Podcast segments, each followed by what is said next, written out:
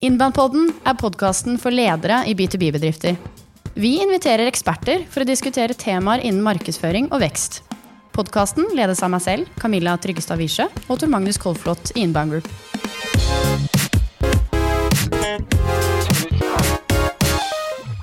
Velkommen til denne podkastepisoden, hvor vi skal snakke om kanskje vårt mest populære innhold og markedsføringstiltak noensinne. B2B-rapporten, Trond Magnus. Jæklig god idé å dra i gang en sånn rapport. Ja, det er fete greier. Var det du som hadde ideen? Ja, jeg tror faktisk det. Jeg tror jeg tar påtar meg æren for den. Ja, innenfor. Det har irritert meg i, i årevis at uh, når man skal finne noe statistikk på hvordan uh, markedsføring egentlig funker, så er nettet fullt av det, men det er stort sett amerikansk. Så, hvordan driver B2B-bedrifter med markedsføring? Da, det, det er bare å google det, så kommer det opp masse greier og tall. Stort sett fra USA. Eh, og så tenker jeg mm, det er litt mer interessant hvis det var noen norske tall. Og så finner jeg ikke noe bra norske tall. Så da tenkte jeg fader, kan ikke vi ta tempen på det norske B2B markedsføring og salg-markedet? Hvordan er det norske B2B-bedrifter driver med salg og markedsføring? Og gjøre det litt uh, ordentlig. Det tenker jeg er naturlig for oss som byrå, som er spesialisert på B2B. Uh, så vi dro i gang dette for en to-tre år siden. Hundrevis av norske bedrifter som svarte. Kjempekult. Og vi fikk masse nyttig statistikk og innsikt om hvordan bedriftene gjør det. Og så er det en ny versjon nå. Ja, og denne gangen fersk. enda mer innsikt og spørsmål om salg. Ja. Det syns jeg er veldig gøy. Enig. Så nå, nå heter rapporten 'Salg og markedsføring i B2B Norge'. Yes. 400 eh, norske B2B-selskaper har svart på undersøkelsen. Den undersøkelsen her har vi gjennomført sammen med Markedsføringsforeningen i Oslo. Kjent Yes. som MFO for mange. Det gjorde vi også for tre år siden. Eh, det er vi veldig veldig stolte av. Så et eh, godt samarbeid her hvor vi har truffet mange B2B-selskaper. Dette er ikke en liten rapport hvor vi har gjort et intervju med liksom 50 selskaper. Men her er det skikkelig punchy. Så la oss hoppe inn i det. Hva, hva, hva er mest interessant egentlig, Tor Magnus, i denne rapporten her? Jeg syns det er eh, for så vidt synes jeg det er interessant å se på forskjell fra sist gang, fra 2021-rapporten. Og så ser jeg at det er ikke enorme forskjeller. Eh, Og så generelt så tenker jeg at det aller mest interessante er å se på hva er forskjell på de bedriftene som får til bra resultater, og de som ikke får så bra resultater. Så vinnerne, eh, B2B-vinnerne i Norge, hva er det de egentlig gjør annerledes? Det syns jeg er ekstremt interessant. Så har vi jo masse hypoteser og egne erfaringer eh, fra, fra egne kunder her i Inbound, men, men det er noe med å ta sånn tempen på hele markedet. Enig. Og vi har jo med oss en gjest her også. Su Kristiansen Christiansen Johannessen Hei. fra LIS, ansvarlig for markedsføringa og økonomien i lager- og industrisystemer. Velkommen til deg. Tusen takk. Du har vært i podkaststudio før. Det har jeg. Eh, Målet i dag er at du kan berike eh, enda litt mer enn Tor Magnus og jeg kan også, med litt konkrete eksempler på eh, hvordan dere har markedsført dere. Så jeg vet at det er mye ting du brenner for her, så eh, vi gleder oss til å diskutere i dag.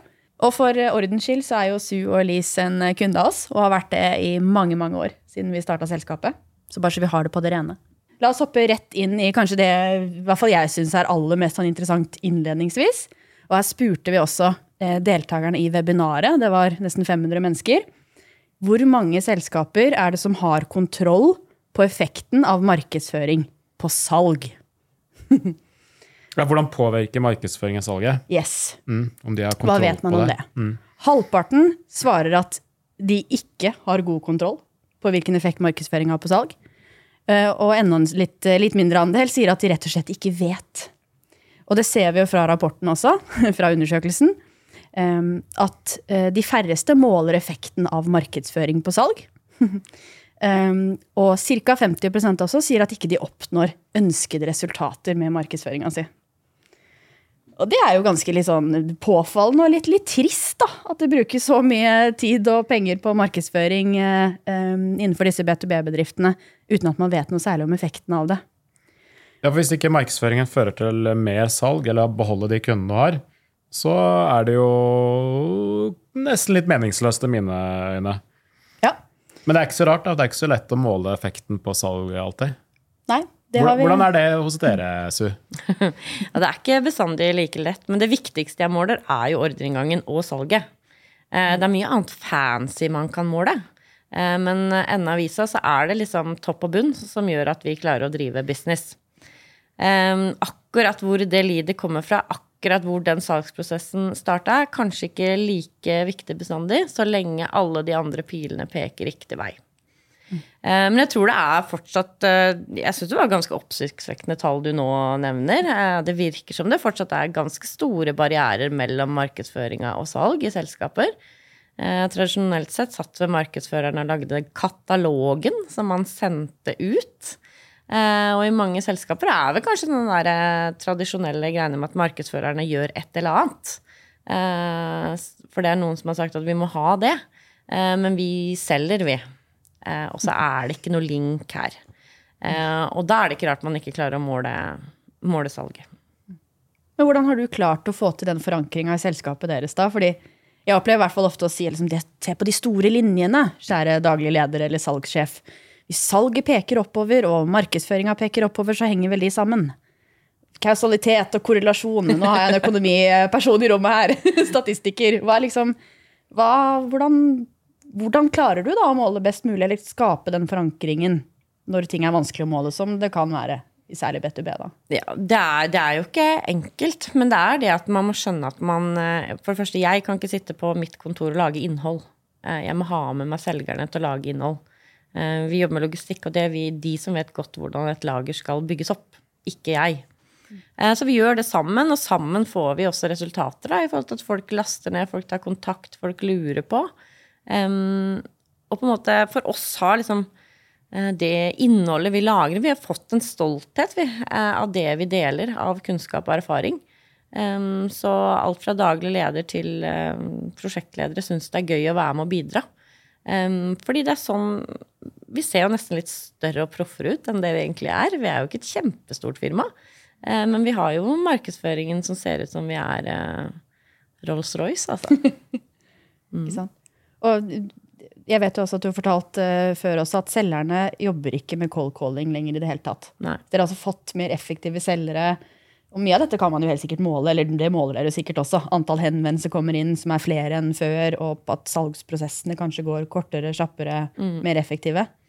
Men det, ja, for det viktigste store endringen er jo dette med kalde telefoner. Eh, før kunne vi ha noen lister, liksom. Eh, nå skal vi fokusere på sjømatsindustrien. Eh, la oss printe ut noen liste, eh, og så begynner vi å ringe, liksom. Men det gjør vi ikke lenger. Mm. da lager vi enten innhold retta mot det, eller innhold på produkter, eller innhold retta eh, rundt de tingene som vi har lyst til å treffe, de målklubbene vi har lyst til å treffe. Um, og det er jo veldig deilig å ikke jobbe med cold calling. Eh, Men du, Su. Ja. vi tenker på å måle effekten av markedsføringen på salg. ja. Hvordan vet du at all den markedsinnsatsen og markedskronene dine fører til salg, egentlig? Nei, det vet jeg jo egentlig ikke bestandig. Eh, men eh, når på en måte eh, en som har et lager på Bømlo, ringer meg og sier at sønnen min har hørt på podkasten din, og han sa jeg måtte ringe deg, for du kan lager. Eh, jeg får jo ikke måla det. Annet enn at jeg, jeg ser at jeg får det salget, da. Um, og det er, jeg tror det er det man gjør litt feil innimellom. For markedsførere er veldig gode på å måle ting. eh, Og dere kan måle ting veldig detaljert. Eh, Og selgere og ledergruppen skjønner ikke hva dere snakker om. Eh, Og når man ikke skjønner hva dere snakker om, så blir man usikker. Eh, Og man blir ikke Man føler jo mindre mestring. Eh, Og når man føler mindre mestring og ikke forstår, så blir man jo Er det mange som syns det er vanskelig. Mm. Så på en måte at man ikke kanskje måler så detaljert, eh, og snakker om måling som, eh, som resten av selskapet ikke henger med på, da. Ja, det er nesten at man, som jeg hører, nesten at det å måle for mye kan være verre enn å ikke måle i det hele tatt. Og veldig ofte opplever jeg og hører også at det er ikke så mange som erkjenner i at naturen i B2B, da, at kjøpsprosessene er lange. Og så er det veldig fort gjort å tenke at liksom, ja, et lead som kommer utelukkende fra marketing, er de eneste leadsene som liksom blir verdsatt i selskapet som blir til salg. Men hva med alle henvendelsene ellers, som du sier, som kommer gjennom podkasten? Det er noen som kanskje har fulgt ti forskjellige markedsføringstiltak du har gjort over en toårsperiode. Og så er det veldig ofte kanskje sånn at hvis ikke du klarer å måle det direkte til markedsføringa, så er det, det, er det salg som på en måte får, eh, får jubelen. Da. da. Da er vi gode på salg, liksom. Her har salg vært på. Ja, da, og da blir det litt sånn intern konkurranse også. Og det er som jeg også sier ofte, det er jo at det, hvis det går bra, så er det jo liksom en sånn fellesskap. Dette gjorde vi sammen, liksom. Og så når det går dårlig, så er det markedsføringsavdelingen som får feilen, liksom. Eller får, eh, ikke får feilen, men får kjefta. Eh, for det er markedsføringen som ikke fungerer. Eh, Da er det ikke noe sånn fellesskapsgreie. Men eh, ja, prøve å forenkle det litt. Jeg også snakker jo med dere om uh, målinger. Liksom, på en måte, men da, også, da har jeg, jeg forventer jo også at dere uh, følger med på det dere kan følge med på. Uh, og sier ifra når det er noen lamper som lyser. Og så rapporterer jeg videre internt det som jeg vet de forstår, og som de trenger å vite. Ofte så tenker man jo i forhold til B2B-markedsføring at det egentlig dreier seg om leads-generering. Og leads-generering kan jo være viktig. Og hvis du genererer et lead, navn på en potensiell kunde som markedsføringen fanger opp på nettet, eh, og gir det leadet til salg, og så se om det blir salg eller ikke, det er, liksom, det er veldig enkelt og målbart. Men eh, jeg tror nok de egentlig alle nye kunder man får, har vært inne på nettsiden. Og hvis du har andre potensielle, eller kunder som eh, har hørt på podkasten din eller sett noe videoinnhold du har, eller så videre, de har kanskje fått mer tillit til deg og større sjanse for at de kjøper. Men det kan jo Så en ny kunde kan være litt påvirket av markedsføringen uten at det har vært lead noen gang. Og det tenker jeg kompliserer voldsomt den der målingen på effekt på salg. Eh, Så jeg, jeg vet ikke hva egentlig løsningen, den perfekte oppskriften er på å måle salgseffekten. Utover kanskje å intervjue hver eneste nye kunde. Og spørre liksom, i hvilken grad du har vært på nettsiden, har du vært eh, på innholdet der og der, osv. Fordi det er så mye eh, besøk på nettet og konsumering av innhold som ikke blir fanget opp selv om du har HubSpot eller et eller annet flott verktøy for måling og leads-generering og leadstracking. Um, men, men, men man bør nok ha litt kontroll på det uansett. Enten om det ikke nødvendigvis skal intervjue alle nye kunder, men, men uh, det er nok ulike ting man bør gjøre for å kunne måle litt. Så at det ikke er helt i blinde. For det er jo sånn at det, du har ikke en ny kunde som ikke har vært på nettsiden din engang. nei. Eh, Og den, og den nettsiden den kan du fylle, den kan være dårlig, den kan være kjempebra. Den kan, være med, den kan dele masse bra innhold, den kan ha masse gode referansecaser. Eller den kan være utrolig dårlig, rett og slett. eh, Med lite interessant, verdifullt innhold. Jeg tror egentlig det du er inne på der er litt sånn spot on å finne mellomveien. da. Så hvis vi ser litt på hvordan vi gjør dette selv, for å bruke litt, eh, litt av eksempler på hvordan vi jobber med måling selv i dette selskapet, så er det jo akkurat sånn som Tor Magnus sier her. Det er veldig mye av salget vi får inn som er sånn Det kan være at de connectet med Tor Magnus på LinkedIn for fem år siden, og så har de vært med på et frokostseminar, og så har de kanskje vært ute og jobbet med en konkurrent, og så kom de tilbake pga. en Google-annonse i gåseøynene, og så ble det en salgsprosess, og så ble vi kunde. Og så er det veldig mye der vi ikke vet. så eh, jeg spør jo f.eks. alltid når vi får eh, henvendelser inn, det er mesteparten av hvordan vi driver salget vårt. Hvor, kom du til oss fra? Har du hørt om oss før? Jeg ser dette i HubSpot, og liksom jeg ser at du har liksom interagert med det her, men gi meg litt mer kontekst. Og da er det ikke bare én ting. Det er Sant, ofte mange ting. Ja, men I snitt innenfor en B2B, i et B2B-salg så er det jo jeg vet ikke hvor mange sånne kontaktpunkter det er, men snittet er liksom 10 eller 20. eller Det er, liksom, det er, det er et høyt antall punkter eh, hvor man har blitt kjent med bedriften på en eller annen måte. Sett en annonse, hørt fra naboen, eh, hørt et rykte, sett en, altså, ja, en post på sosiale medier osv. Og veldig ofte så får jeg, da, jeg da tilbakemeldinger på ting jeg ikke klarer å se. Så eksempel podkasten vår, på samme måte som du forteller, Sue, så er det ganske mange som sier når jeg spør sånn, ja, nei, jeg har hørt litt på podkasten. Og så må jeg grave litt om hvordan fant du podkasten? Ja, nei, den tror jeg bare liksom Den bare dukket opp et eller annet sted. og så gjorde den det. Men, men det, da, kombinert med at jeg og vi har gode systemer, vi bruker HubSpot, det fins andre systemer, men jeg vet f.eks. at over halvparten av salget vårt kan attribueres til en eller annen form for seminarene og webinarene våre. Første gang, eller også underveis i en salgsprosess. Det, det kan jeg se helt tydelig i tallene. Jeg vet liksom, jeg kan regne på verdien av et lead eller et kvalifisert lead på våre frokostseminarer og webinarer. da. Så det er veldig mye man kan måle også. Men det er når du setter sammen de konkrete, tydelige KPI-ene med følelsen selgerne sitter på der ute, med antall henvendelser som kommer inn, med liksom det, det, det subjektive, da. og det er kanskje det de mange ikke helt sånn forstår. Yes.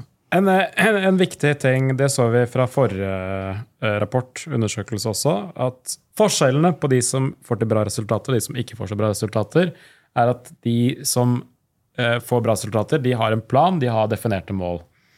Og det er på en måte kanskje ikke så rart. Um, så og så ser vi at det, nå er det jo litt flere. Det var sånn rundt halvparten som ikke hadde noe mål og plan eh, sist gang. Og nå var det vel en eh, 60-ish prosent. ja, noen av 60 prosent som har en mål og plan, så det er jo hyggelig. Da betyr at norske B2B-bedrifter går i riktig retning.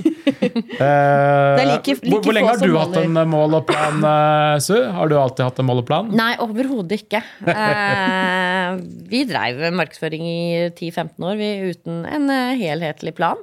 Eh, men brukte ganske mye på markedsføring. Det var litt her og litt der, og litt Google-annonser der, og en del penger ut i sånne typiske fagblader, eh, som du da absolutt ikke får eh, målt så mye av. Det var ingen som ringte og sa 'jeg har lest annonsen din i logistikk og ledelse'. Vi har lyst til å kjøpe automasjon av dere. Aldri skjedd. Men siden 2015-2016 så har vi hatt planer og mål. Hva, hva skjedde da som gjorde at du skjønte at nå må vi ha plan og en mål? Eh, Pilene begynte å peke nedover. Eh, og istedenfor da bare gi opp, eh, så, så fant vi ut at vi må gjøre noe med det innholdet og, og markedsføringen vår, liksom. For vi er, når vi kommer til bordet, så på en måte pleier vi å dra salgsprosessen i land. Vi, gode, vi har gode selgere, gode relasjonsbyggere. men vi fokuserer bare på produkt og ikke på løsning. Og kundene trenger hjelp til dette med løsning. Um, og det kom en ny person. Altså det var ikke lenger logistikkdirektør på 55. Uh, det var uh, yngre krefter, uh, og det kom det med netthandel, at lagrene forandra seg veldig. Så det var mye innhold vi kunne lage, og da så vi muligheten til det. Så jeg er veldig glad at uh, jeg da hadde en styreleder som uh, syntes at det her uh, var ok. Um, Det er jo helt fascinerende at Selv om det går i riktig retning, så er det litt fascinerende at, at eh, en tredjedel av norske B2B-bedrifter ikke har en tydelig plan og tydelig mål med markedsføringen sin. Og de samme bruker jo mye penger og tid på markedsføring. Eller alt er relativt, da. Ja, ja. Men sånn. Ja.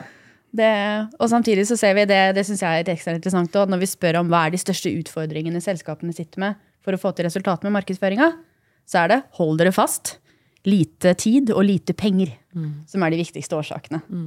Og da det, har, jeg det har du sagt er en dårlig unnskyldning. det er en dårlig unnskyldning. I hvert fall når vi ser at det er så få som har kont Eller relativt få, da. Eh, Hvis vi skal legge lista litt høyt her, og det burde man om man driver med markedsføring.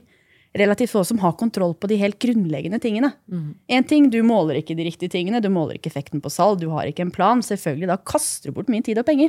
Ja, for Så sorry, Mac! ja. ja, For de som ikke får så gode resultater, så er det veldig høy andel som ikke har eh, en klar plan og klare mål. Uh, og så er det mange som da sier at ja, men hvorfor får du ikke bra resultater? Nei, jeg har ikke tid. Og jeg har ikke penger til det. Men du, du, du har så liten tid, eh, og du driver med litt markedsføring, men du har så lite tid at du gidder ikke å begynne å lage en plan først. Ja. Det, det er litt dårlig Dårlig oppskrift. Ja. Ikke følg den med oppskriften. Det er ikke så imponerende. Nei. men det, det er veldig bra at flere og flere får til bra resultater og har en plan. da. Men det er bare litt sånn det er litt urovekkende at fortsatt såpass mange eh, kommer med litt, sånn, litt dårlige unnskyldninger og, og setter seg ikke ned og, og lager en plan først. Ja. så er jeg veldig redd at folk er veldig opptatt av kortsiktige resultater. Ja. Eh, også i B2B. Det For du, tenker, du trenger ikke en plan, for jeg skal bare ha noen tiltak neste uke. Ja. Eh, og så bare kjøper vi det her, så tar vi den annonsekampanjen, eller i verste fall TV-reklame, liksom. Eh, og så, så, så kjøper man seg litt sånn god samvittighet når det gjelder markedsføring, da. Eh, og så får man ikke resultater, av det, og da er det jo markedsføringa sin skyld. Nå hadde du hatt en god plan i bunn der, og blitt litt utfordra på hvorfor mener du at du skal gjøre det, eh, som vi blei veldig i begynnelsen når vi begynte med det her, eh, så trodde jo vi også vi visste hva vi drev med, eh, men vi gjorde jo ikke det. Eh, Og da få en partner som kan si 'jeg hører hva du sier, men jeg skjønner ikke hvorfor'. Eh, Det er utrolig skummelt, eh, men det er jo sånn som gir resultater. Jeg tenker sånn, eh, Hvis man tenker oi shit, jeg burde ha en, kanskje en litt tydelig markedsføringsplan, så ok, hvis jeg ikke har råd til å kjøpe profesjonell hjelp fra noe byrå f.eks., så da må du gjøre jobben litt selv. Da Da må du klare å google hvordan lage en markedsplan, f.eks. kan du starte litt der? Vi har masse innhold på det. Så Ja, ja, og, og mange andre også. Så ja, ja. det er, eh, det er utrolig hvor mye man kan uh, tilegne seg, lære seg, hvis man bare er litt frempå. Men er det riktig bruk av tid, da? Mm. For man skal jo alltid gjøre det man er best på. Uh, Og hvis du er daglig leder, er det riktig at du sitter og snekrer sammen en markedsplan du egentlig ikke har lyst til å lage? Nei, nei, nå tenkte jeg bare på en undersøkelse som sier Er det mange som sier at Ja. vi har verken tid eller råd, på en måte? Eh, Og så vet vi at eh, markedsføringen har mye å si for eh, salgsresultatene. Og veldig mye av salgsprosessen der ute foregår på nett gjennom markedsføringen. Selv om kanskje sikkert mange der ute tenker at det er ikke sånn det funker. For sånn funka det ikke for 20 år siden. Så da er det sikkert sånn i år også. Jeg tror mange selskaper der også legger opp litt til å feile. Fordi hvis vi tenker at liksom markedsføringens viktigste jobb er å få økt salg, økt salg, mer effektivt salg, selge til de mer riktige kundene med høyere marginer f.eks., så er det ganske et stort ansvar å legge over på markedsføreren også. Så markedsførerens ansvar blir liksom tøffere og tøffere. Og det krever at du har kommersiell forståelse. Du trenger kanskje ikke å ha en siviløkonomigrad, men du bør ha litt bakgrunn, da. Samtidig så ser man at veldig ofte, både B2C, men særlig B2B òg, at man ansetter de kreative, veldig gjerne ofte de unge, gjerne helt nyutdanna menneskene. Fordi mange selskaper innenfor B2B fortsatt tenker at marketing, det er de kreative folka. Setter jeg det litt på spissen, da. Men også sånn, jeg, jeg tror på en måte man må tenke litt annerledes rundt rekrutteringen av markedsførerne også, og hvem man faktisk får til å jobbe med markedsføring. Og det, Vi ser jo et lite skifte der også. Så det er veldig gøy å se når liksom markedsførerne presser seg inn i salgsmøter og liksom tør å ta den plassen. da. Vet jeg at du har pratet litt om også, liksom, Du må ta litt mer plass som Ja. markedsfører. Så ikke Ja, du blir ja. i det lille hjørnet. Det kreative lille hjørnet. Inn i ledergruppa, liksom. Det er, hvis ikke du har markedsføringspersonen din inn i ledergruppa nå, så må du bare gjøre det, liksom. Eh, fordi Salg er jo alltid der. Salg er alltid der. Eh, godt representert. Eh, og god taletid. Eh, og markedsføringa skal eventuelt være der, men ikke som en sekretær. Det er også veldig viktig. Og Det ser vi for øvrig også i undersøkelsen, og det er kanskje ikke så overraskende. Men eh, når vi har spurt om hvor mange årsverk selskapene har på salg versus marked, så er det ganske stor forskjell. Du har eh, ja, ca. Liksom fire i snitt selgere per markedsfører du har. da. Så det er fire ganger flere selgere enn markedsførere i bedriftene. Og jeg vet at jeg er litt sånn tøff når jeg sier dette her nå, men, men, men jeg tenker at kanskje liksom Egentlig så burde man egentlig aldri ha flere selgere enn markedsførere i selskapet ditt. At det er litt sånn, og det, det jeg tror det er en lang vei å gå der fortsatt, da. Vi går over på neste litt interessante hovedfunn. eh, Og det er at vi har spurt selgerne eh, direkte om hva de største utfordringene de har er, og hvordan salgshverdagen er. Eh, Og majoriteten sier at nå er det tøffere enn det har vært noen gang. Det, er, det tar lengre tid å lande prosesser, og det er vanskelig å starte antall prosesser for å lande salgsmålene. Så vi har også spurt de. Hva- Og konkurransen blir generelt tøffere der ute. Ja, ikke sant? Det er- Opplever de fleste. ja, De aller fleste opplever nå at salgshverdagen har vært tøffere enn den har vært på noen, noen gang. holdt jeg på eller på lenge da. Og så har vi også spurt liksom, hva er de største utfordringene? Hva er dine største utfordringer på salg i dag? Og det er en lang liste. Vi skal ikke nevne alle sammen nå. Du får se rapporten. Men det jeg syns er litt eh, ekstra interessant, er at de aller fleste punktene der som troner i toppen, kan direkte påvirkes av markedsføring. Det er typisk at selgerne trekker fram at konkurransen er tøffere, de sliter med å få fram verdien av produktet, de kommer for seint inn i kjøpsprosessene, og diverse, diverse, da. Um, og det er vel egentlig en bra ting. Jeg tenker liksom, Nå har det kanskje aldri vært viktigere da, at selgerne får drahjelp fra markedsføringa. Um, uh, sånn at salgshverdagen kan, kan bli enklere. Så, um, hvordan gjør dere dette, Su, i LIS? Hvordan jobber dere med salg og marked? Vi jobber jo tett sammen eh, hele tiden. Eh, det som er viktig for oss, er at vi snakker sammen om de kundene og de leadsene som vi skal bruke tid på, blant annet. Eh, jeg, jeg kan finne informasjon om de sakene som kommer inn. Eh, og vi kan også målrette innhold på det vi vet de er interessert i. Eh, og trygge kjøpsprosessen tidlig. Eh, hvis du har lasta ned mye innhold om å flytte et lager, eh, så skjønner man at noe er angående å flytte et lager. Eh, og da kan jeg også mm, målretta sende mer innhold knytta til det, som brannvern og sprinkling og eiendom og sånne ting. Og da eh, kan man se, om, se f.eks. om kunden i prosessen laster ned det, eh, eller om det ikke er interessert i det hele tatt. Og da, når selgeren eh, da ringer for å, eller har et møte, eh, så har jo han med seg den informasjonen som jeg har gitt i forhold til hva de faktisk er interessert i.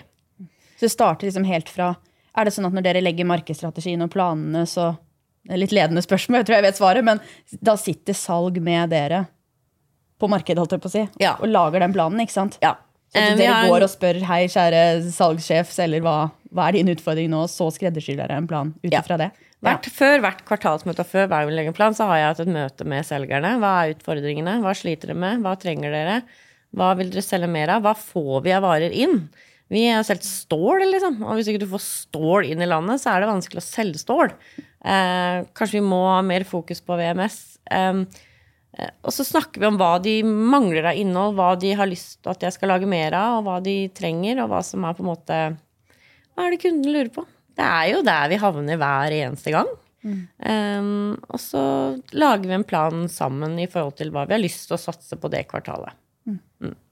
Og hvordan opplever dere salgshverdagen om dagen, da? Hvis du skulle svart på Eller du, jeg tror du har svart på undersøkelsen, faktisk. Mm. Men jeg vet ikke akkurat hva du har svart på disse salgsspørsmålene. Um, nei, vi Vi har det egentlig veldig bra, vi, altså. Eh, Det er tøff konkurranse der ute, det, det er det. Eh, Men samtidig så prøver vi å finne vår egen plass, da. Eh, Og finne liksom der vi passer inn. Um, Så på en måte, vi føler i hvert fall at vi har godt trøkk inn. Mm. Ja, og selgerne Er det- har nok å gjøre. Nå legger jeg opp til et ledende spørsmål til, Mm. eller nesten sånn selvfølgelig, men kan det være rett og slett pga. markedsføringa? Ja, det Jeg synes det er helt- mest ja, jeg er. Dere har liksom over- markedsført dere Ja. Mm. jevnt over i syv år, non stop.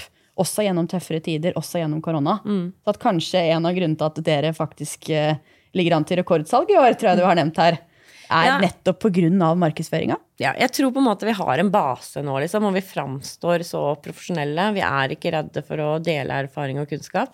Eh, Så jeg er helt sikker på at hadde ikke vi gjort det vi gjorde i 2015-2016, så hadde ikke vi vært der vi er i dag. Og jeg er veldig usikker på hva som hadde skjedd under korona. Det, er, det skal jeg stå for, altså. Um, og på en måte Vi er veldig stolte av den veien vi kommer. Vi har podkast, altså! Verdens mest nerdete podkast, den. Men det er vår målgruppe, da. Alle som har et lager. Um, og da, da lager vi en nerdete podkast, da. Vi skal over på et, uh, tilhørende tema rundt eh, salg. Eh, for vi har også spurt i undersøkelsen om, om hvor flinke selskapene er, og hvor flinke selgerne er til å bruke markedsføring i salgsprosessen. F.eks. dele innholdet underveis. Da. Eh, og der ser vi også at der, det er det ene spørsmålet som i størst grad skiller de som får til gode resultater, fra de som ikke gjør det. Og det er også det spørsmålet vi fikk mest av i webinaret, og tilbakemeldinger på at folk syntes var interessant. Så jeg vet at dere bruker mye markedsføring i salg, men fortell om hvordan gjør dere dette i LIS, og hva, hva innebærer det egentlig? I salgsprosessen. Det viktigste vi da har, er jo type frokostmøter eh, og LIS-dagen. Eh, som selgerne da kan invitere eh, potensielle kunder og kunder til oss på Vinterbro. Eh, og så snakker vi om relevante temaer innen vareflyt og sånne ting. Og det er noe vi i markedsføring gjør. Og det elsker selgerne, å ha den dagen der som de kan invitere folk til. Hvorfor elsker selgerne det? Fordi uansett hvordan eh, du kommer eh, ut med marked... Du, du, må ha, du må ha kundene inn i huset. Du vil snakke med dem. Du vil være under fire øyne. Du vil få skape en Er ikke det bare invitert til et vanlig, tradisjonelt salgsmøte? Ja, men eh, det er jo mye mindre skummelt da, å være invitert til et frokostmøte enn å være invitert til et salgsmøte. Plutselig i et salgsmøte så selger du vel, mens i frokostmøtene deres så selger dere fagkompetansen deres. Ja. Ikke sant? Ja. Det er sikkert litt, pit, eller litt, sånn, litt salg der òg, men Det er det jo alltid. Eh, Men liksom, det blir en helt annen agenda da, for møtet. Og du treffer jo andre, andre som har samme utfordringer som deg, kanskje. Vi snakker veldig mye om automasjon om dagen, og det, det skaper mye usikkerhet. Skal vi investere nå? Har vi råd? Eh, Får vi tak i arbeidskraft, eller gjør vi ikke? Eh, Så sånne dager er veldig viktige for selgerne. Hva, hva er forskjell på en potensiell kunde som har vært med på et sånt frokostmøte, releasedagen. Heldagskonferanse, er det ikke? Ja, som dere arrangerer. Mm. En, en potensiell kunde som har vært med på den der, kontra ikke vært med på det. Hvordan opplever dere forskjellen på det? Um, forskjellen er jo at vi allerede har fått en relasjon til den som har vært innenfor våre fire vegger. Um, og du føler jo på en måte at du har kommet lenger i salgsprosessen. Vi blir fort rådgivere, da, istedenfor at vi blir en leverandør. Mm. Ehm, så det er alfa og omega for oss. Og vi bruker mer tid på de som besøker oss, enn de som ikke besøker oss. Ja, Vi merker jo det selv her i Inbound også, i byrået vårt. Utrolig forskjell på å gå inn i et salgsmøte med noen som har vært på et frokostmøte hos oss på forhånd, eller ikke. Altså holdningen den potensielle kunden, den lederen har, er gjerne helt utrolig forskjellig. Jeg hadde Nå avbryter jeg til Magnus, var det greit? Kjør Jeg, på! skal, jeg skulle bygge videre på det, for jeg var i et, et salgsmøte her uh, for noen uker siden. Og Der går jeg inn, der er daglig leder for hele bedriften. Det er uh, alle tre salgssjefene for alle tre avdelingene. Og jeg går inn i det møtet og skulle basically der liksom overbevise alle disse tre salgssjefene om at markedsføring det er en viktig del av en vekststrategi, og sånn kan markedsføring effektivisere salget. Og jeg hadde jo sett for meg at liksom dette her, dette kommer til å bli en prosess, og det kommer til å bli ganske tungt. Um, og så går jeg inn i det møtet, og det starter med at de forteller meg at uh, du Camilla, i går hadde vi kinovisning her. Vi så på den der kortfilmen uh, deres om liksom hvordan B2B-markedsføring kan øke salget og sånn. Og det er bare, altså vi, vi har skjønt greia, vi. Og det, det er nesten som en sånn Jeg kommer inn der, og halvparten av salgsprosessen på en måte er gjennomført allerede. Så sånn, det, det er sånn erkeeksempler på hvordan man kan bruke markedsføring som basically en jeg går så inn gratis selger, da. som bare sånn, Jeg kommer til bordet, halvparten er allerede gjort. Um, og så har på en måte bare halvparten av salget igjen, da. Som fortsatt er krevende. Men eh, det var skikkelig gøy. Ja, det er veldig kult. Jeg har også hatt uh, mange lignende opplevelser. Og jeg husker en gang hvor uh, det var en uh, dagleder i en eller annen potensiell kunde av oss som hadde sett da en referansevideo med deg, Sue Lise. ja. Og da sa bare vi vil ha sånn. sånn vil vi ha. Signer her, sa du da. Så jeg, ok, nei, men eh, da tar vi det som et utgangspunkt. Eh, og den samtalen etter at jeg hadde sett eh, den ti minutter eller fem minutter video, det er jo ikke store tingen, men eh, eh, samtalen etterpå gled jo veldig fint, da. Du, du bygger tillit, på en måte, som gjør også at du som selger kommer inn med et helt annet Ja. inntrykk, på en måte. da. Du blir ikke helt den derre liksom, Å, nå kommer selgeren inn. Altså Én ting er jo på en måte at du kan ha mye bra markedsføring som kan hjelpe til i salgsprosessen, litt sånn av seg selv, uten at selgeren trenger å ta noe initiativ rundt det. Men så kan også selgeren ta masse selvinitiativ og gi prospektet sitt eh, lekser før og etter salgsmøtet, f.eks. Det er jeg fryktelig glad i.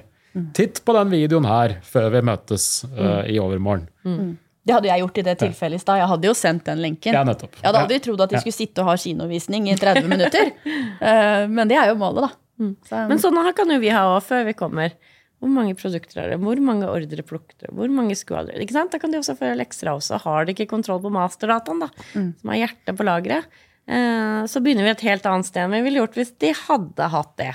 Eh, og for oss også, vi har selgere med ulik kompetanse. Å få riktig selger til riktig prosjekt er også veldig viktig for oss. Um, så det også bruker vi jo markedsføringen til, for å se på hvilket nivå er selskapet. Hva er det de faktisk trenger? Trenger de VMS, eller er det egentlig ERP de spør om? Eh, og hvilken selger passer best ut ifra kunnskap. Jeg tenker at eh, hvis man holder på noen år, så er det lett å, å gro litt fast i gammel, gammel mønster. Om at man, man klarer å selge uten å drive og gi eh, liksom, potensielle kunder lekser og skal drive og bruke masse markedsføring inn i salgsprosessene. Vi har klart å selge uten all den markedsføringen. Men da tenker jeg at da går du liksom sakte, men sikkert i feil retning. Fordi vi vet at flere og flere, og særlig da yngre og yngre liksom generasjoner av ledere, de, de er ikke så gira på å bare kaste seg inn i salgsmøter. De, de vil gjøre research selv. De vil finne ut av ting selv. Og det, er det, så mye, det har vi så mye tall på også, at det er, det er, det er, sånn, eh, det er sånn man tenker mer og mer. Eh, Så jeg bare tenker det å ikke ha veldig mye bra innhold tilgjengelig, og og helst da aktivt bruke det inn i salgsprosessene, er veldig dumt. Og vi ser da resultatene. De får mye bedre resultater, de som bruker markedsføringen aktivt i salgsprosessene. Mm. Så der er det mulighetsrom for alle de som ikke liksom har tatt tak i den ballen skikkelig ennå. da. Og det er veldig kult. Så hvis du hører på nå og tenker oi, selgerne mine de kan kanskje bruke markedsføringen enda mer aktivt, snakk med selgerne i morgen hvordan du kan gjøre det. Ja.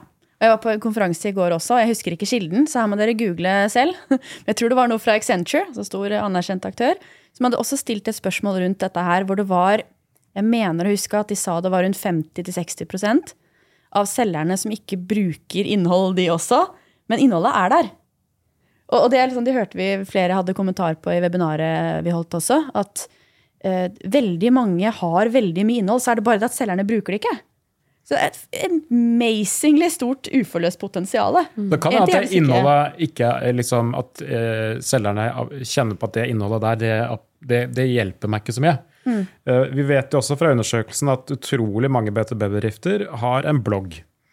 Typisk da tekstartikler der. Så er ikke sikkert at de tekstartiklene der at selgerne tenker at oi, de der vil hjelpe meg i salget. Da burde det ikke vært lagd i utgangspunktet, tenker jeg. Så da er vi det- det tilbake til eh, Jo, men da, det, da går det tilbake på markedsplanen. Ikke sant? Hvor bra er egentlig den planen man har lagt? Er det bare sånn at man, eh, man, man lager bare masse bloggartikler bare for å liksom, huke at ja, vi driver med bloggartikler og innholdsmarkedsføring? Eller har vi satt oss ned med salgsavdelingen, selgerne, og tenkt hva slags innhold kan vi lage som vil hjelpe deg, selger, med å close den kunden neste måned? Mm. Det er det man bør gjøre. Man skal ikke bare drive en blogg for å ha en blogg. Nei, arbeidet er fordi arbeidet ofte planlegges på to forskjellige tuer. Ja, Så var det en ja. som også fortalte meg, som hadde satt selgere som kom til seg og hadde spurt du, jeg har lyst til å lage et kundecase på dette her, Ja. Og så hadde markedsføreren svart «Ehm, det har vi. Se på disse videoene her. Altså det, det var videoproduksjoner markedsavdelingen hadde lagd, som selgerne bare ikke visste om. Altså, det, jeg fikk jo helt sånn hakeslepp av å høre det.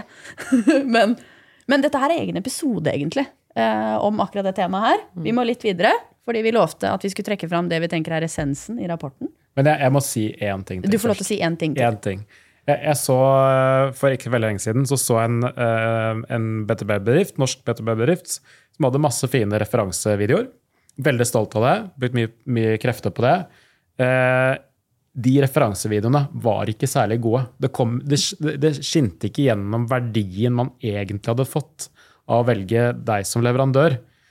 Så det var rett og slett litt dårlig gjennomført. Det var video, så det er jo kjempebra. Referansecase på video er jo kult. Og mange fine liksom, navn og så videre. Og de hadde liksom proff lyssetting og fin videokvalitet. Men de sa bare vi har valgt liksom, ja, vi har valgt dere som leverandør fordi dere var flinke. og det følte, liksom, du, du skjønte ikke hvorfor de Hva var egentlig verdien, og hva skilte denne leverandøren her ut fra andre? Uh, uh, og da tenker jeg som selger at den videoen der ville ikke jeg brukt i Nei. salgsprosessen. Så, så det må være litt sånn heller mindre innhold, men det er god kvalitet. Og så er det avsjekket med salg at det er dette her de vil ha. Mm. Dette vil eh, hjelpe dem med å close kunden. Vi bruker Børre som icebreaker i salgsmøter. Eh, for det som ikke vet hva Børre er, så er vår karakter, vår humorkarakter. Eh, og han kan være en icebreaker eh, i et eh, salgsmøte. Spiller av video, et, en markedsføringsvideo i salgsmøtet. Ja, da senker du skuldrene, så ler du litt, for Børre er jo Du klarer jo ikke å ikke le av Børre.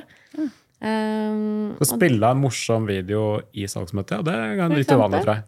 ja, og så sender vi sånn, Vi har jo noen om oss-videoer, og hvordan jobber vi og sånn. Det også se- sender selgerne. Uh, dette er oss. Spennende. Vi går videre. Vi har eh, to kalde poenger igjen som vi syns fortjener litt oppmerksomhet. Um, uh, og det første av de to er budsjett. Penger. Vi får jo ofte spørsmål hvor mye penger skal jeg bruke på dette her. Og igjen, folk klager på at de har for lite penger.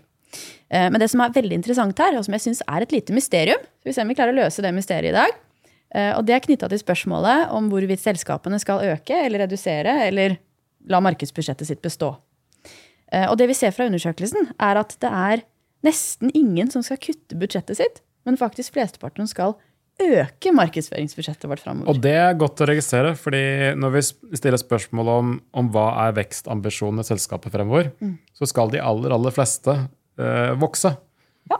Og det mest typiske er at de skal vokse mellom 10 og 20% Og da er det hyggelig å registrere at, eh, at markedsbudsjettene også eh, går oppover, og ikke nedover. Ja.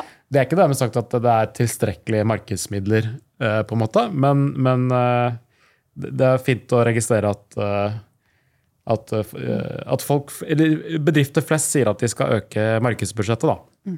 Og det er litt sånn jeg sier at det er et mysterium, fordi det er også en del ja, ting i markedet om dagen som tilsier at annonsetallene går ned. Det er også undersøkelser som viser at mange selskaper kutter over en lav fjøl på mange områder, og dessverre så er det ofte markedsføring også som blir litt kutta i. Så eh, jeg er liksom personlig overrasket litt over de resultatene her. Um, Men jeg tenker kan- kanskje det er håp. Kanskje nå som folk virkelig har skjønt, kanskje de har lært litt gjennom korona også, at det er i nedgangstider man skal og bør satse litt. Dette har vi eget innhold på, og jeg vet at du har pratet om dette her tidligere i podkaststudio også, Su.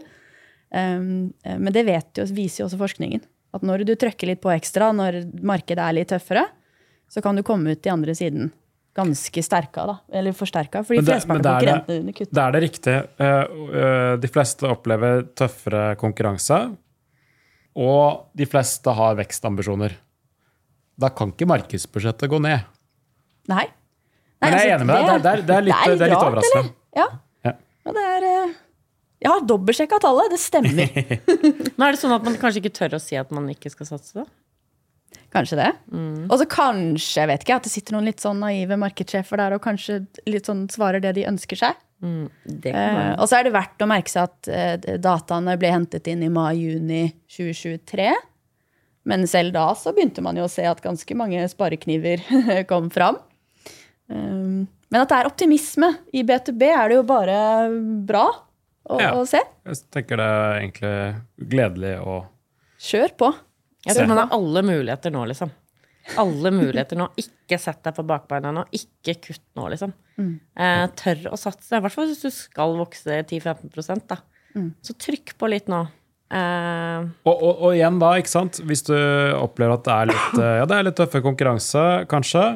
Men hvis man har muligheten til å, å satse litt, så tenker jeg også det, da gjør man jo det. Uh, og det er jo så tydelig hva som er noe av det viktigste.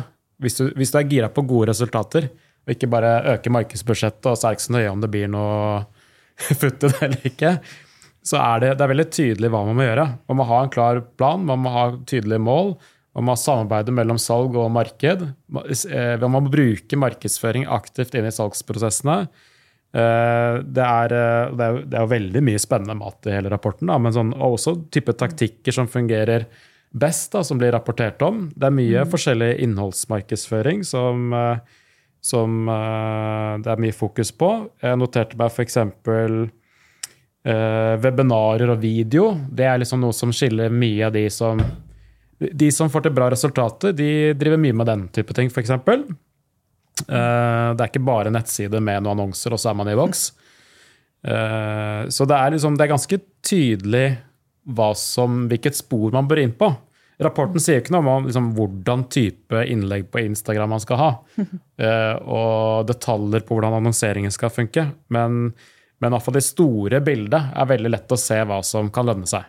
Så er det forskjeller fra bransje til bransje, men, men de store linjene er veldig lett å eh, trekke ut fra rapporten. Da. Det syns jeg er litt kult. Og så er det også interessant å se at selv om ikke det er vi ser at det er ikke så voldsomt store forskjeller i enkelttaktikkene som brukes for tre år siden fra forrige undersøkelse. Men det vi ser jevnt over, at gjennomsnittlig på alle taktikkene så gjøres det litt mer av alt. Så for eksempel, eh, skal jeg se om jeg husker riktig, det var rundt 50% sist som sa at de drev med blogging, eller skrev fagartikler. Nå tror jeg det er nesten opp i 70 Um, Podkast har gått fra 8 til 12 Nå er ikke de tallene så store, så kan, prosentene kan høres litt, eh, litt heftig ut. Eh, webinarer har altså fått en vesentlig økning. Eh, og det er også interessant å se, for jeg, jeg tror eh, konkurransen også i markedsføring blir tøffere. Fordi nå er det ikke så uvanlig å ha en blogg lenger. Det er ikke så uvanlig å drive med webinarer. Så det, det blir tøffere og tøffere også for B2B-selskapene spesielt, da, som vi har sett på å skille seg ut. da. Um, og vi ser jo veldig mye av det samme.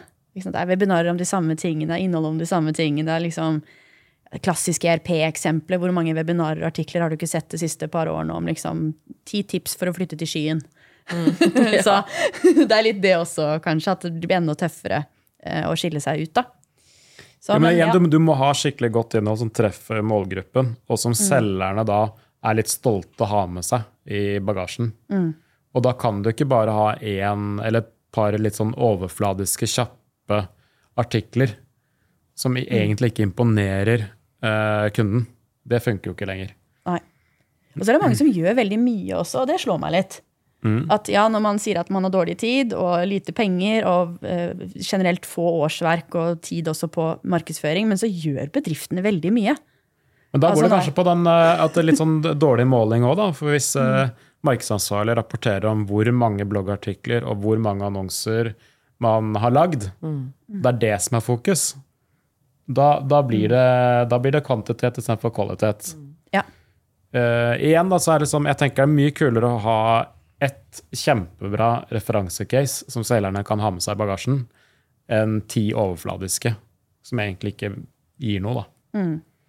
Ja, det å ja, velge ut noe, holdt jeg på å si. Så selv vi som har holdt på med dette her og tar vår egen medisin i, siden vi starta for syv år siden, gjør jo veldig mye, men det er også veldig mye vi ikke gjør. Eh, og det er jo ofte den tøffeste jobben, det å velge bort ting. Ja, det er forferdelig. ja, det er helt forferdelig. Og det sitter vi med òg. Men siste spørsmål vi skal eh, prate om i dag, det, det er jo et spørsmål, et tema vi også kan ha og skal ha egne episoder om. Men det er jo AI, da, Tor Magnus. Jeg vet at Du er veldig opptatt av trender og de nyeste tingene som beveger seg innenfor B2B-markedsføring. Jeg er mest opptatt av alt som er flashy, og ikke det substansielle. Ikke sant? Ja. Så uh, vi har uh, Nei, Med AI så er det dødsspennende. ChatGPT er jo så gøy å holde på med. Ja. Så vi har jo Um, spurt, jeg har spurt selskapet, vi har stilt et spørsmål om uh, bruk av eh, AI, og spurt hvor mange av markedsførerne som har begynt å bruke AI, da, f.eks. ChatGPT i markedsføringa. Um, og det er litt, litt sånn uh, jevnt fordelt.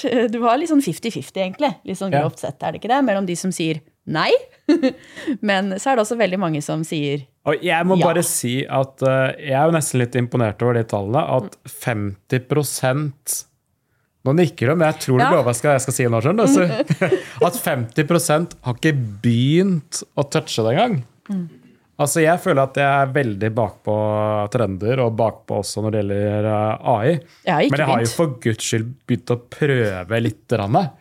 Ja. Ja, du ser du Jeg har ikke det! Jo, men eh, eh, Du kan deg, Camilla, med at, at det er nok ikke så mange på, i inbound i byrået her på gulvet som ikke har gjort noe av det. Nettopp. Og det er det jeg liksom unnskylder meg litt for. da. Ja. Så, jeg- så det vi snakker om her, er jo ikke liksom om du har brukt AI, men bedriften din. Det er det, det, er det formuleringens spørsmål er, ikke sant? ja, ja, ja.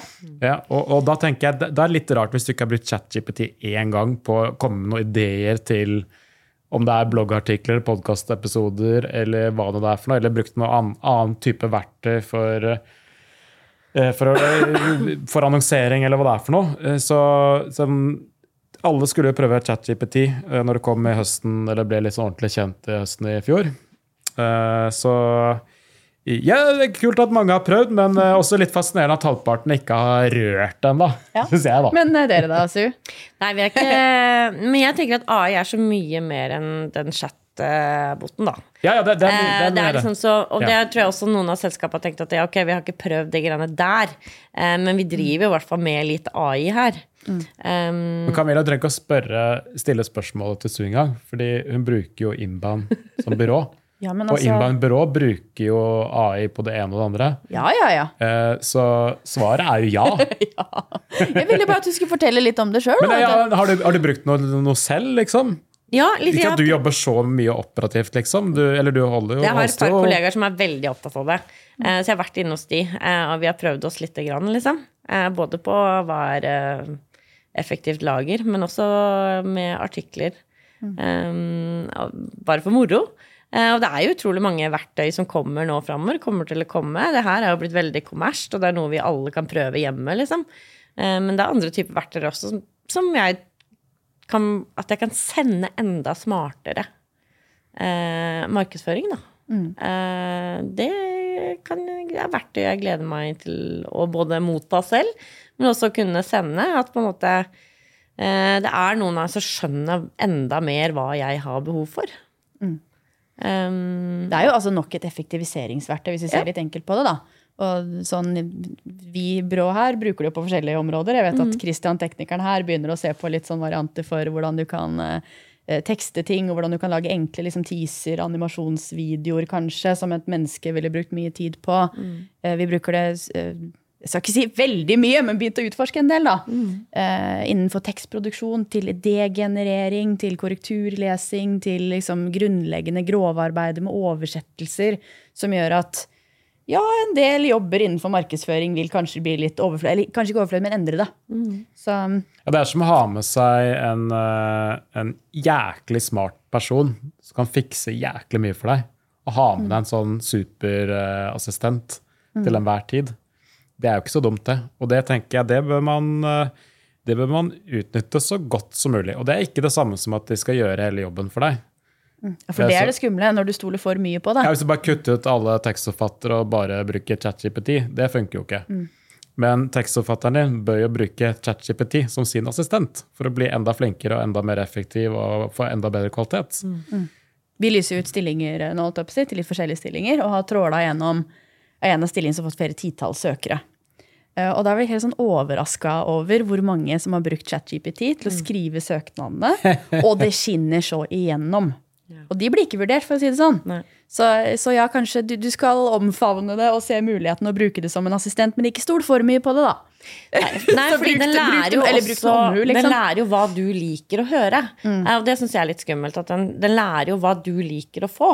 Eh, Så på en måte, den kan jo hele tiden bare fòre på med Nå snakker du om TikTok og sosiale medier. Nei, men den, også, den lærer jo hva du liker, og hvordan du liker å få ting kommunisert, og hvordan, hva du setter pris på, hva han ikke må korrigere, og hvorfor han må korrigere. Og da kommer den jo til å fortsette å fòre deg med det som akkurat det du vil ha, da. Eh, og da hvis du har begynt å lære den feil, så blir det jo vranglære hele tiden. Da. Og jeg syns det er litt skummelt, men jeg syns det er litt spennende. Ja. Ja. Skummelt og spennende. Ja. Vi avslutter med det. Jeg skal bare si en ting til. Ja, ok, vi avslutter ikke med det. En ting til. jeg la også merke til at én viktig forskjell til eh, i forhold til de som får til bra resultater i, i eget salg og markedsarbeid, de bruker jo, har jo mye høyere markedsbudsjett. Og så kan du jo si at eh, ok, hvis du bruker masse mer penger på markedsføring, så får du jo bedre resultater. Men det er jo resultater ut fra forventning. Er det det bare forutsetter jeg, at Ja. det er sånn folk tenker? Så, så det er noe med liksom, har du en minisatsing, så blir det fort ikke så innmari bra. Det, det er iallfall sånn jeg tolker og leser tallene ganske tydelig. da. Det, det, er- for der er det, det er veldig stor forskjell når Ja. vi ser på grafen her.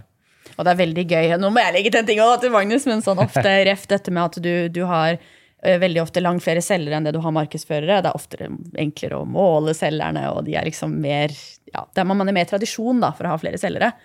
Men det er også gøy. Jeg hadde et møte senest i går. Et selskap som egentlig ikke har satsa på markedsføring i det hele tatt. Nesten virkelig ingenting. Noen få titusenlapper i året, liksom. Og så forteller de meg at de skal triple årlig, altså ARR, Annual Returning Revenue, et salgsselskap. Triple det fra 10 til 30 millioner på tre år. Eh, Og så sitter de og lurer på om de skal bruke 20 eller 30 000 i måneden markedsføring. det er litt sånn, sånn Ja, vi har fire selgere. Og så, det er bare sånn Det er så typisk, da! At liksom Ja, men liksom Kanskje lov å stå litt i stil da, med ambisjonene til selskapene. Og vi ser jo at ambisjonene til selskapene er relativt ambisiøse Du kan, du kan jo starte med å legge på null, og så kan vi se litt uh... Men å ansette en selger til halvannen million, det, det gjøres over en lav sko. Yeah. Setter jeg det på spissen. Mens halvannen million på markedsføring, det Det er liksom en, en veldig ofte da, mye, mye, mye tyngre yeah. uh, prosess. Ja. Og igjen, jeg tror det baner i at man har tradisjonelle holdninger, tradisjonelle rekrutteringsprinsipper, og man klarer ikke å løfte markedsføring opp til salg, da. Ja, og så sier jo det, Gartner at om to år så er 80% av B2B-salgsprosessene foregår på internett. Yes. Og med de kloke ordene så Avslutter kan vi denne episoden. Last ned rapporten. Du finner den enkelt tilgjengelig på nettsiden vår. Se på webinaret hvor vi diskuterer enda litt flere ting også. Og ikke minst, lik og kommenter og del og gjør alt du kan med denne episoden her, sånn at vi kan nå ut til enda flere B2B-ledere der ute. Og tusen takk til Su for å dele igjen litt av dine erfaringer. Takk for meg. Takk skal du ha. Takk for nå.